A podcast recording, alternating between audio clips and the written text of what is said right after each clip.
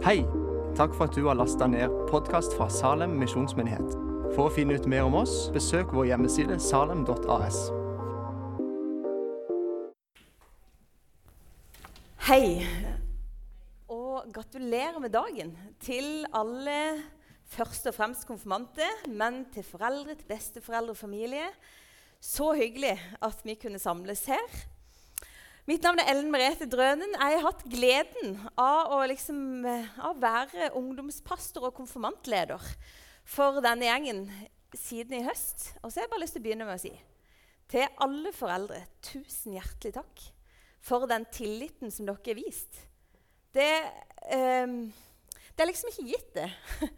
At, eh, at, man skal overlevere sine unger lovende i, i noen andre sine hender til å ja, at de skal lytte til noen. Men takk for den tilliten. Og så har jeg lyst til å si at dere, dere har noen helt fantastiske barn. De er så bra. Og de er så smarte og så morsomme og litt gale. Eh, og det gjør det veldig friskt og godt å være sammen med dem. Så for min del og Johannes Øverland som, eh, han tok turen til Amerika, så han kunne ikke komme. Men for vår del så har det rett og slett det har bare vært veldig veldig gøy å være sammen med dere. Og så er vi så glade for at vi, at vi kan fortsette å kjenne dere. Jeg skal holde en, en tale. Og på konfirmasjonsdagen så er det litt sånn der, det er det siste undervisninga dere får. yes. Men jeg har lyst til å sende med dere noe som, eh, som jeg tenker at, eh, at har litt mening for livet. Og det er ikke bare til konfirmantene. Det er til alle som vil høre. Det fins nemlig en sang som ble skrevet ca. 1000 år før Jesus ble født. Og den er ganske kjent. Og Den ble skrevet av en mann som starta livet sitt som en liten gjetergutt. Og når han skrev denne sangen, da var han blitt konge. Og det er jo litt sprang, da. Å gå ifra å være en liten gjetergutt Gjeterne var ikke så veldig høyt på strå. De kunne som regel ikke lese og skrive. og Det var ikke noe særlig lønn i det. Og så ble han en konge. Og kongen på den tida der, det var liksom ikke Harald. Det var litt andre kår for en konge. Kongen hadde i ansvar å skulle bestemme reglene for alle som bodde i landet. må bare drikke litt. Jeg har liksom holdt på siden klokka ni i morgen. Kongen skulle bestemme reglene for alle som bodde i landet. Det var kongens oppgave å ta vare på innbyggerne sånn at det var godt. Og sånn at de hadde det bra. Og hvis det ble krig, så var det ikke sånn som, eh, som eh, i våre dager, holdt jeg på å si, men det var jo før min tid og, og, og lenge før det, at man skulle få kongen i skjul. Nei, kongen ridde ut. Så kjempa han sammen med folket. Det var en konges plikt. Og Det var ganske mye å tenke på hvis du var konge, og så var det faktisk ganske farlig å være det. Og den kongen som skrev den sangen som jeg snart skal lese opp, han kjempa i kriger nesten hele sitt voksne liv. Han het David, og det kan være at du har hørt om han. Han slåss mot en kjempe som het Goliat. Og For du som er litt spesielt interessert, så kan jeg si at det er arkeologer som har funnet Det er de som driver og graver og har veldig god tid. Jeg kan jo ikke forstå det. Men de har gravd seg fram til noen potteskår hvor det står at disse tilhørte, disse krukkene de tilhørte kong Davids hus. Men se for, se for deg kong David, som en gang var en liten gjetergutt. Han passer på sauer, men nå er han konge. Han har hodet proppfullt. Jeg tenkte på det. For i dag skal jeg være ærlig og si at jeg har hatt hodet proppfullt. Og det har de som er her òg. Og vært spente og nervøse på alt som skulle sies og bes og huskes. Men tenk at du er konge, og så er du hodet proppfullt. For det er så mange som regner med deg. Han tenker på hvordan han skal klare alle gjøremålene som konge. Og så er han fiende på alle sider. Det står det om David. Han var stadig i strid. Det var fiende på alle sider. Og de er klare for å ta livet sitt og ta over kongeriket som han skal passe på. Midt i den, det kaoset der så skriver kong David en sang, og det kan være at du har hørt den før. Herren er min hyrde, jeg mangler ikke noe. Han lar meg ligge i grønne enger. Han leder meg til vann der jeg finner hvile. Han gir meg nytt liv. Han fører meg på rettferdighetsstier for sitt navns skyld. Og om jeg enn skulle vandre i dødsskyggens dal, frykter jeg ikke noe ondt, for du er med meg. Din kjepp og din stav, de trøster meg. Du dekker bord for meg, like foran mine fiender. Du salver mitt hode med olje, og mitt beger renner over. Bare godhet og miskunn skal følge meg alle mine dager. Og jeg skal bo i Herrens hus gjennom alle tider. Det er litt av en sang. Dere fikk i melodien. Den er gått tapt. Herren er min hyrde, sier David. Jeg mangler ikke noe. Og David snakker om at Gud er hans hyrde. Men David visste veldig godt hva en hyrde var for noe, for det hadde han vært sjøl. Hyrden sin oppgave det var å passe på sauene. Og Det står faktisk om David når han var hyrde eller han var gjeter, at han sloss mot bjørn og mot løve. Og det kan ikke jeg forestille meg. Men det er jo heftig, da. Han skulle nemlig sørge for at de sauene der, de skal ha det bra. Og de skal være trygge, og de skal ha det de trenger. Og så skal de kunne fortsette å gjøre det som sauer gjør. Og hva gjør sauer? De spiser. De driver med det. Det er stort sett det sauene gjør. De spiser, og så sover de, og så ligger de på steinene. Og det vet jeg, for jeg er fra Lista, og der er det sau overalt. På alle jorder finner du noen hvite flekker som er rundt, og de enten så spiser de, eller så ligger de i sola. Det er liksom det de driver med. Og det var Davids oppgave, å sørge for at det lille livet de hadde, de skulle få lov til å fortsette sånn som det var. Og når David sier og I tillegg så var det sånn at hvis noen sauer datt ned for ei skrent Det kan jo skje hvis du bare holder på med det du driver med, så plutselig går du vill.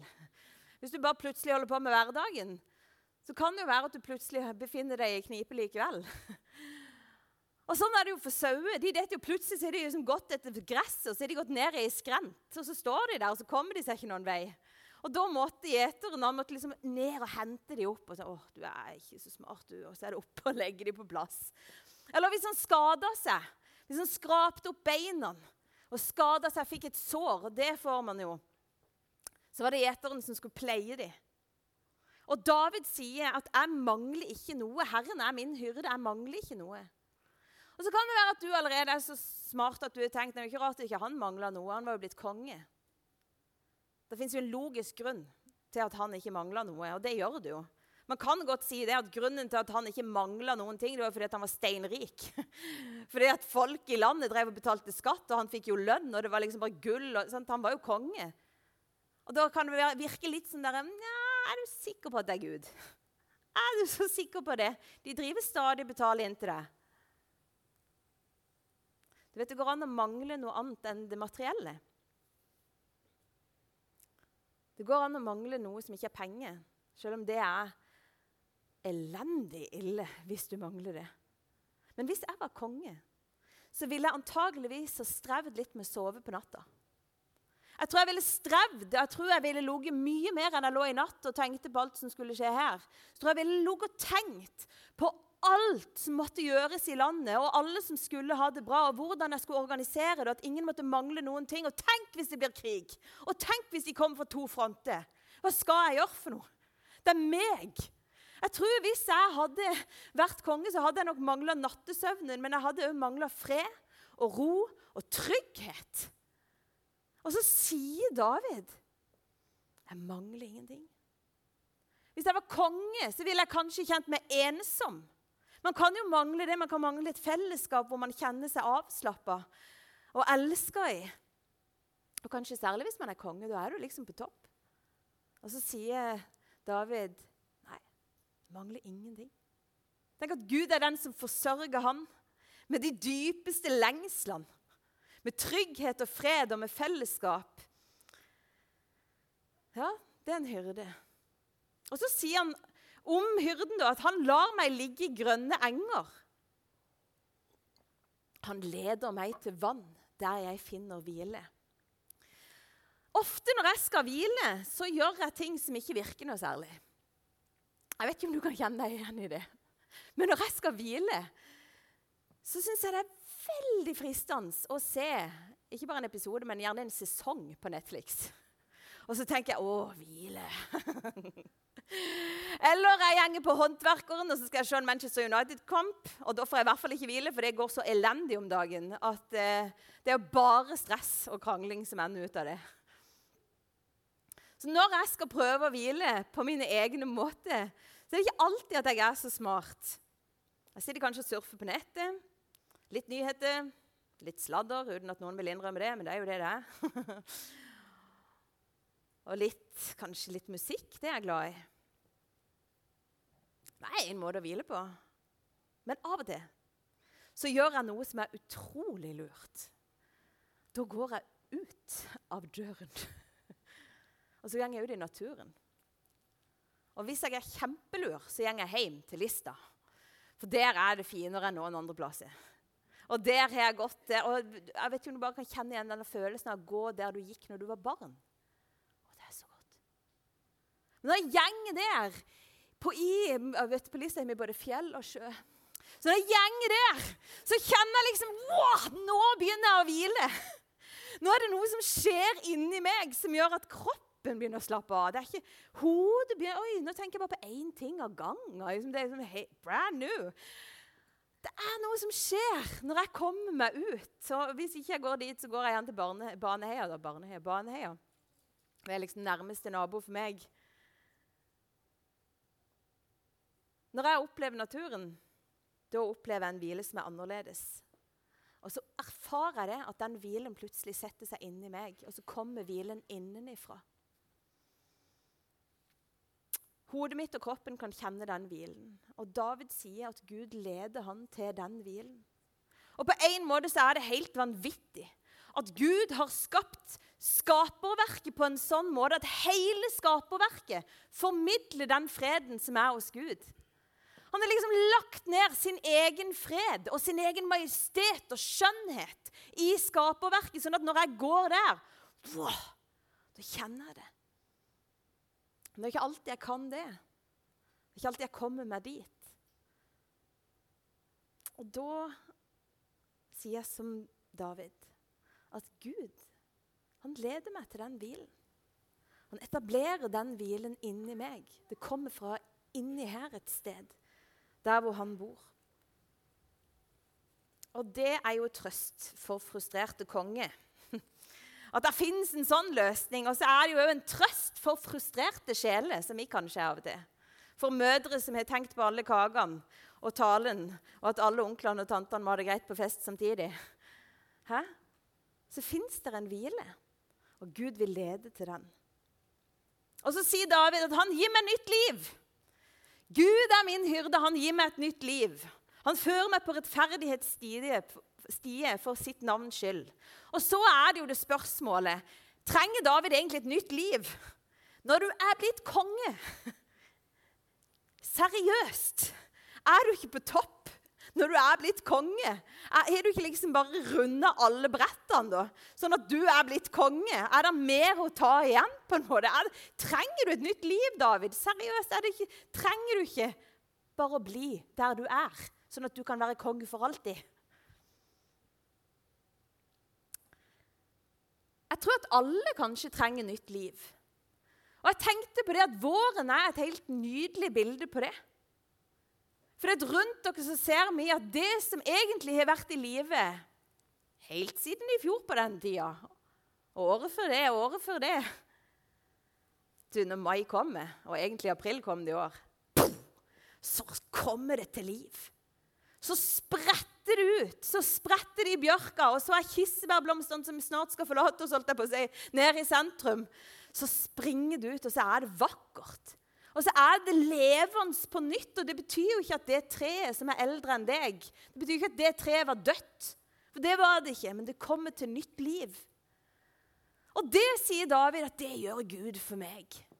Når jeg kjenner at livet bare nesten har kommet til en sånn eh, tomt, vet du, da gir han meg nytt liv. Og det kan du huske, kjære konfirmant. For det kommer tider hvor vi kjenner at vi trenger det. Og enda verre kan vi kanskje si at David sier noe om. Om jeg enn skulle vandre i dødsskyggens dal, frykter jeg ikke for noe ondt, for du er med meg. Din kjepp og din stav trøster meg. Jeg har lyst til å begynne med å si at alle mennesker møter dødsskyggens dal. Ikke det en hyggelig hilsen på konfirmasjonsdagen? Mennesker møter dødsskyggens dal.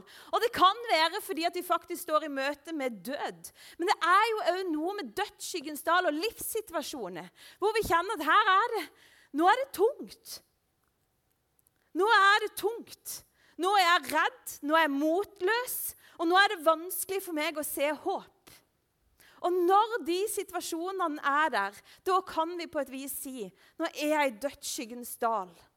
Og I sånne situasjoner så sier David at Herren, han er en trøstende hyrde. Han går ved sida sånn at han ikke blir ødelagt, sånn at vi ikke blir ødelagt av redsel og av frykt. Jeg vet ikke om du visste det, men den hyrdestaven som vi ofte ser bilder av når vi ser sånne gamle bilder av Jesus, den er liksom rett, og så har han sånn krok på seg. Men den brukte hyrdene òg til å smeike sauene. Når han skulle lede dem fra et sted til et annet, og gjerne et litt skummelt sted som de ikke hadde vært før, så smeikte hyrden dem og ga dem litt sånn trøstende berøring. Litt sånn der Du, vi kommer igjennom. Det går bra. Jeg er her. Og en sånn hyrde, sier David, at Gud er. Han sier jo mange ting. Han sier jo at 'din kjepp og din stav de trøster meg'. Og det er noe med kjeppen og staven som fører på rettferdighetsstiet. Med den kjeppen vet du, så leder han den litt. Kom igjen, det er her. Og den der bøyen på staven det var òg for at de skulle hente inn sauene. Når de gikk seg helt vill og sto i fare for å egentlig enten ødelegge sitt eget liv eller alle lammene sitt liv, fanga han inn med den staven. Men det er òg en trøstens stav. Og så sier David at du dekker bord for meg. Du, Gud, du dekker bord for meg like foran mine fiender. Du salver mitt beger med olje, og mitt beger renner over. Det er jo ikke sånn at livet er uten motstand. Det vet alle som sitter her, det vet konfirmantene òg veldig godt. Og kanskje er de heller ikke uten fiende. Og Hvis du ser for deg at du er konge ca. 1000 år før Jesus blir født, så er du fiende på alle sider. Det er ikke da du tenker at du skal begynne å spise mat. Det er ikke da du tar fram servietten og liksom bare dekker ut og tenker nå kan jeg slappe av. Ja, ja, ja, jeg har tid til å spise. Hvis du er fiende på alle kanter, og du kjenner det at livet er bare Det er for mye. Da er det ikke så lett å slappe så godt av. Og så sier David likevel at når Gud er min hyrde, så kan jeg det. Da kan jeg slappe av. Når jeg vet hvilken hyrde jeg har, da kan jeg hvile. Og Så sier han at bare godhet og miskunn skal følge meg alle mine dager, og jeg skal bo i Herrens hus gjennom alle tider. David han hadde kjent Gud ifra han var en liten gutt. Han visste hvem Gud var. Han visste at Gud er opphavet til livet. Han visste det, at det fins en begynnelse og det er Gud. Det er et opphav til kjærlighet, og det er opphav til glede og det er opphav til fred. Og han visste at så lenge jeg er i Herrens flokk, så lenge jeg er hans sau, da kan jeg slappe av. Det er ikke noen andre plass jeg heller vil være. Og der skal vi forlate David. Og jeg går mot avslutning. La oss hoppe fram 1000 år, minst. For nå er Jesus født. Kan du tenke deg det? At Gud blir født inn i sitt eget skaperverk. Og det tenkte jeg på når jeg forberedte meg, at Hvis jeg begynner å snakke om det, da er det ingen her som kommer seg til kake. Så det kan jeg ikke begynne å prate om. For da tar jeg av i undring. Men Jesus kom. Og så sier han, 'Jeg er den gode hyrde'. Og på ett vis så kunne de som satt rundt ham, de menneskene, de kunne blitt så fornærma. For hva vet vi om sauer? De er stokk dumme. Og jeg kommer som sagt fra lista. De er utrolig uintelligente. Og jeg var inne og så på, eh, på, på si forskning, men altså, jeg husker ikke hvor jeg fant det. henne. Men det viser seg det når de forsker på sauehjerne, at frontallappen som ligger her foran, den er, han er så liten at de finner den. Skjønner du? Han virker nesten ikke. I forhold til et menneske som har en frontallapp som faktisk er ganske rimelig størrelse, og eh, hvis alt har gått greit, så virker han. Og frontallappen gjør at du klarer å tenke. Det er frontallappen som gjør at du faktisk klarer å sette to ting sammen og skjønne oi, her er det sammenheng. Det har ikke sauer så mye av. Nei, nei, nei. Og det er derfor hver gang jeg er på lista, så ser jeg jo disse sauene. De har bare gått i. Hva er det de gjør? De spiser. Mm, mer, mer gress. Mm, grønnere. Mm, mer. Og så har de plutselig gått ut av et gjerde, men de kommer seg jo ikke inn igjen. for det klarer de ikke å sette sammen. De er ikke spesielt smarte, sauene. Så vi kunne blitt veldig fornærma for at Gud faktisk sammenligner oss eh, med sauer. Og de er ikke spesielt fine. De er fine i tre måneder, skjønner du, når de er små. Og de er, altså, Videre det så er det liksom, det er hyggelig at de er der, for det er noe med atmosfæren. Men sauer er ikke det store. Han kunne liksom sagt sjiraff. Det er litt mer majestet hvis han skulle sammenligne noe med noe. Men når Jesus sammenligner noe med sauer, så kan vi bli fornærma. For det kan være at vi tenker at vi er veldig smarte, og det kan være at du sitter her og så tenker du at du er egentlig lurere enn de fleste. Men egentlig så burde vi være glade. For når Jesus sier at det er veldig stor forskjell mellom han og oss, så betyr jo det noe. For en hyrde er smartere enn en sau. Frontallappen virker. Han klarer ikke å se sammenhenger. Og Derfor kan han veilede. Fordi det er så stor forskjell på hvem Gud er og på hvem vi er. Så kan han veilede oss. Så kan han gi gode råd. Så kan han skjønne at han er et mysterium. Og så kan vi bare skjønne at vi skjønner lite. Men han vet, for han er annerledes. Og det må han være hvis han skal være min hyrde. Hvis jeg skal en hyrde i livet, så må det være en annerledes Gud. Det må være en som er smartere enn meg, som er større, og som ser sammenhengene mye bedre. For da kan han trøste meg, den hyrden som er med sauene. Han kan trøste dem fordi han vet hva de trenger. Så jeg er veldig glad for det.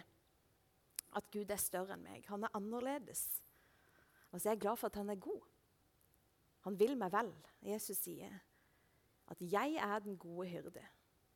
Den gode hyrden gir livet sitt for sauene. Og Kjære konfirmante, først og fremst, og kjære alle sammen. Så høyt er du elska av den hyrden som er i himmelen. Skal vi be? Jesus, jeg takker deg for det. At du vil være vår hyrde. Jeg takker deg for det at du bryr deg om oss. Du ser til oss, Herre, og du vet du vet hvordan livene våre ser ut.